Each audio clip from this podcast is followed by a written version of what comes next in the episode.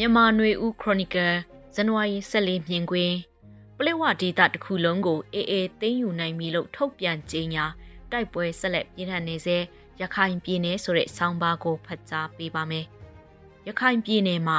အေးအေးနဲ့စစ်ကောင်စီတပ်တွေကြား2022ခုနှစ်နိုမာလာကနှုတ်အားဖြင့်အပြစ်ရဖို့သဘောတူခဲ့ကြပြီးနောက်တစ်နှစ်ကြာပြီးနောက်2023ခုနှစ်နိုမာလာ23ရက်နေ့မှာတော့တိုက်ပွဲပြန်လည်ဖြစ်ပွားခဲ့ပြီး နှစ်လခန့်အကြာမှာပလက်ဝဒေသတစ်ခုလုံးကိုအေအေလက်နက်ကင်တပ်တွေကထိန်းချုပ်နိုင်ခဲ့ပြီဖြစ်တယ်လို့အေအေဖက်ကထုတ်ပြန်ကြေညာလိုက်ပါတယ်။ပလက်ဝဒေသဟာဆိုရင်အစစ်အဆက်နေထိုင်ကြတဲ့လူမျိုးစုတွေအနေနဲ့ခုမီလို့ခေါ်တဲ့ချင်းမျိုးနွယ်စုတွေနေထိုင်ကြတာဖြစ်ပြီး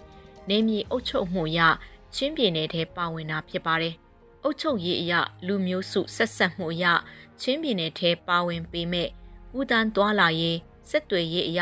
ရခိုင်ပြည်နယ်ကြောက်တော်မြောက်ဦးကတဆင့်စစ်တွေမြို့ကတဆင့်အခြားသောဒေသတွေနဲ့ကူလူစစ်တွေသွာလာကြတာဖြစ်ပြီးချင်းပြည်နယ်တောင်ဘက်ပိုင်းမတူပီဖက်နဲ့ဆက်သွယ်ထားတဲ့ကားလမ်းတွေကအသုံးမများကြတဲ့အနေအထားလည်းဖြစ်ပါတယ်။ပလက်ဝဒေသဟာချင်းပြည်နယ်အထက်ပါရှိပြီးနေနမိတ်အပြင်အိန္ဒိယနိုင်ငံဘင်္ဂလားဒေ့ရှ်နိုင်ငံတို့နဲ့ထိစပ်နေပြီးတောင်ကုန်းထူထပ်တဲ့ဒေသဖြစ်ပါတယ်။လမ်းပန်းစစ်တွေရဲ့အနေနဲ့စစ်တွေမျိုးနဲ့ဆက်ဆက်နေတဲ့ ကလဒန်မြစ်ကိုစုံစင်းပြီးကုန်စီတဲဆောင်တာမြန်မာနိုင်ငံရဲ့အခြားဒေသတွေကိုတွာလာတာတွေလှုပ်ဆောင်ကြတာဖြစ်ပါတယ်။ထိတွေ့ဆက်ဆံမှုမှာချင်းပြည်နယ်ထက်ရခိုင်ပြည်နယ်နဲ့ပုံမထိတွေ့ဆက်ဆံကြရတဲ့ဒေသလည်းဖြစ်ပါတယ်။အိန္ဒိယနိုင်ငံအနေနဲ့အရှေ့တောင်ပိုင်းကပြည်နယ်တွေရဲ့ပင်လယ်ထွက်ပေါက်အနေနဲ့ဆိုရင်ကလဒါမြစ်ကြောင်းကတဆင့်စစ်တွေမြို့ကိုရောက်ရှိပြီးကုန်စီရိတ်ခါတေဆောင်နိုင်တာဖြစ်လို့ပြီးခဲ့တဲ့ဆယ်စုနှစ်တခုကျော်ကာလအတွင်းက လဒါမြစ်ကြောင်းအတိုင်းတေမောတွေနဲ့ကုန်စီတေဆောင်ဖို့အိန္ဒိယနဲ့မြန်မာကြားသဘောတူစာချုပ်ချုပ်ဆိုခဲ့ကြပြီးစစ်တွေမြို့မှာစိတ်ကမ်းကြီးတစ်ခုတိဆောက်ကပြီးစီးနေတဲ့အနေအထားရောက်ရှိနေပြီးတင်မောတွေစုံစင်းစံတက်နိုင်ဖို့ကလတာမြစ်ကြောင်းကိုပြုတ်ပြင်လှုပ်ဆောင်စရာတွေဆက်လက်လှုပ်ဆောင်ရမယ့်အနေအထားမျိုးရောက်နေတာလည်းဖြစ်ပါတယ်2018 2019ခုနှစ်တုန်းကအေအေနဲ့စစ်တပ်ကြားတိုက်ပွဲတွေဖြစ်ပွားနေခဲ့စဉ်ကလဒန်စီမံကိန်းမှာလှုပ်ဆောင်နေတဲ့ အိန္ဒိယနိုင်ငံသားအချို့ကိုပလက်ဝကစုံစင်းလာချိန်ဖမ်းဆီးခဲ့တဲ့အဖြစ်ပြက်လည်းဖြစ်ပွားခဲ့တာဖြစ်ပါတယ်။ထိုစဉ်ကအိန္ဒိယနိုင်ငံသားတွေနဲ့အတူ NLD ပါတီလွှတ်တော်ကိုယ်စားလှယ်ဦးဝှေတင်းပါတတွဲတဲ့ အေအေရဲ့ဖမ်းဆီးခြင်းခံခဲ့ရပြီးနောက်ပိုင်းအေအေပြန်လွှတ်ပေးခဲ့တာဖြစ်ပါတယ်။ဒီနောက်ခံအချက်လက်တွေကိုကြည့်ရင်ပလက်ဝဒေတာဟာနေမြေအနေအထားအရစစ်အခြေစိုက်စခန်းအဖြစ်အခြေစိုက်ဖို့ကောင်းတဲ့ဒေတာဖြစ်တယ်လို့နိုင်ငံနှစ်နိုင်ငံနဲ့နေနမိတ်ထိစပ်နေတဲ့ဒေတာဖြစ်ပြီးစီးပွားရေးအရာမဟာဗျူဟာကျတဲ့နေမြေလို့ဆိုမယ်ဆိုရင်လဲစိုးနိုင်တဲ့ဒေတာဖြစ်ပါတယ်။အေအေအနေနဲ့ရခင်နှစ်ကြိမ်စစ်စင်နွေးခဲ့စဉ်ပလက်ဝဒေတာမှာ ပြင်းထန်တဲ့တိုက်ပွဲတွေဖြစ်ပွားခဲ့ပြီးအခုလိုဗျူဟာကုန်းတွေမြို့တွေကိုတင်းယူနိုင်ခဲ့ခြင်းမရှိပါဘူး။အခုတစ်ကြိမ်မှာတော့လက်နက်လူအင်အားရခင်ထက်ပုံမအသာစီးရလာတာအရင်တိုက်ခိုက်ခဲ့စဉ်ကအတွေ့အကြုံကိုတင်ခန်းစာယူနိုင်တာတွေလည်းရှိကောင်းရှိနိုင်ပြီးအခုတစ်ကြိမ်မှာစစ်ကောင်စီအနေနဲ့ရှမ်းမြောက်ကရင်နီကချင်နဲ့စကိုင်းစတဲ့ဒေသတွေမှာတပြိုင်နက်တည်းတိုက်ခိုက်နေရတဲ့အနေအထားဖြစ်က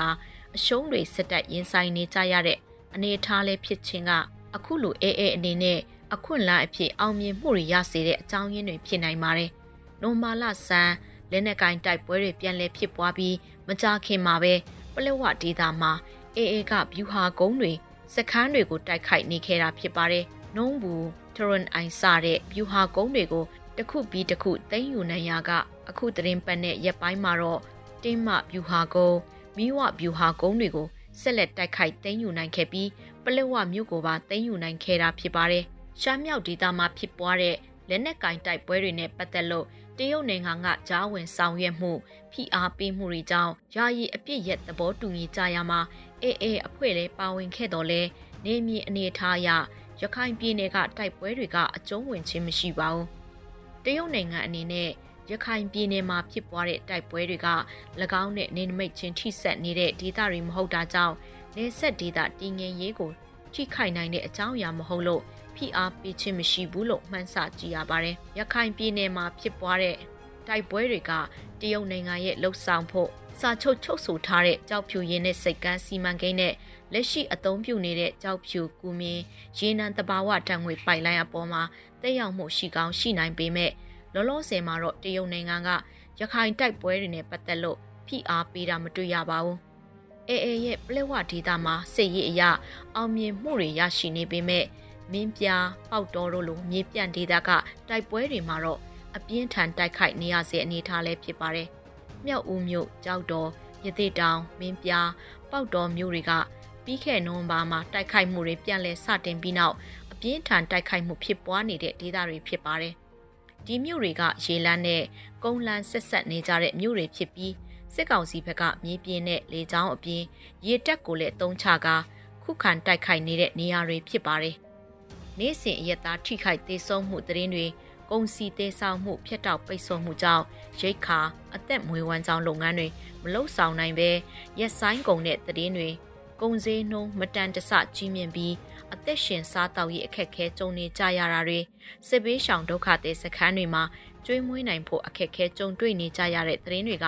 နေ့စဉ်လိုလိုမြင်တွေ့နေရတဲ့သတင်းတွေဖြစ်ပါတယ်။ရခိုင်လူထုအနေနဲ့ရောအေးအေးအနေနဲ့ပါမျှော်လင့်မထားတဲ့ကုန်စီရိတ်ခါတင်သွင်းတာတင်ပို့တာတွေကိုစစ်ကောင်စီကပိတ်ဆို့လိုက်ခြင်းဟာ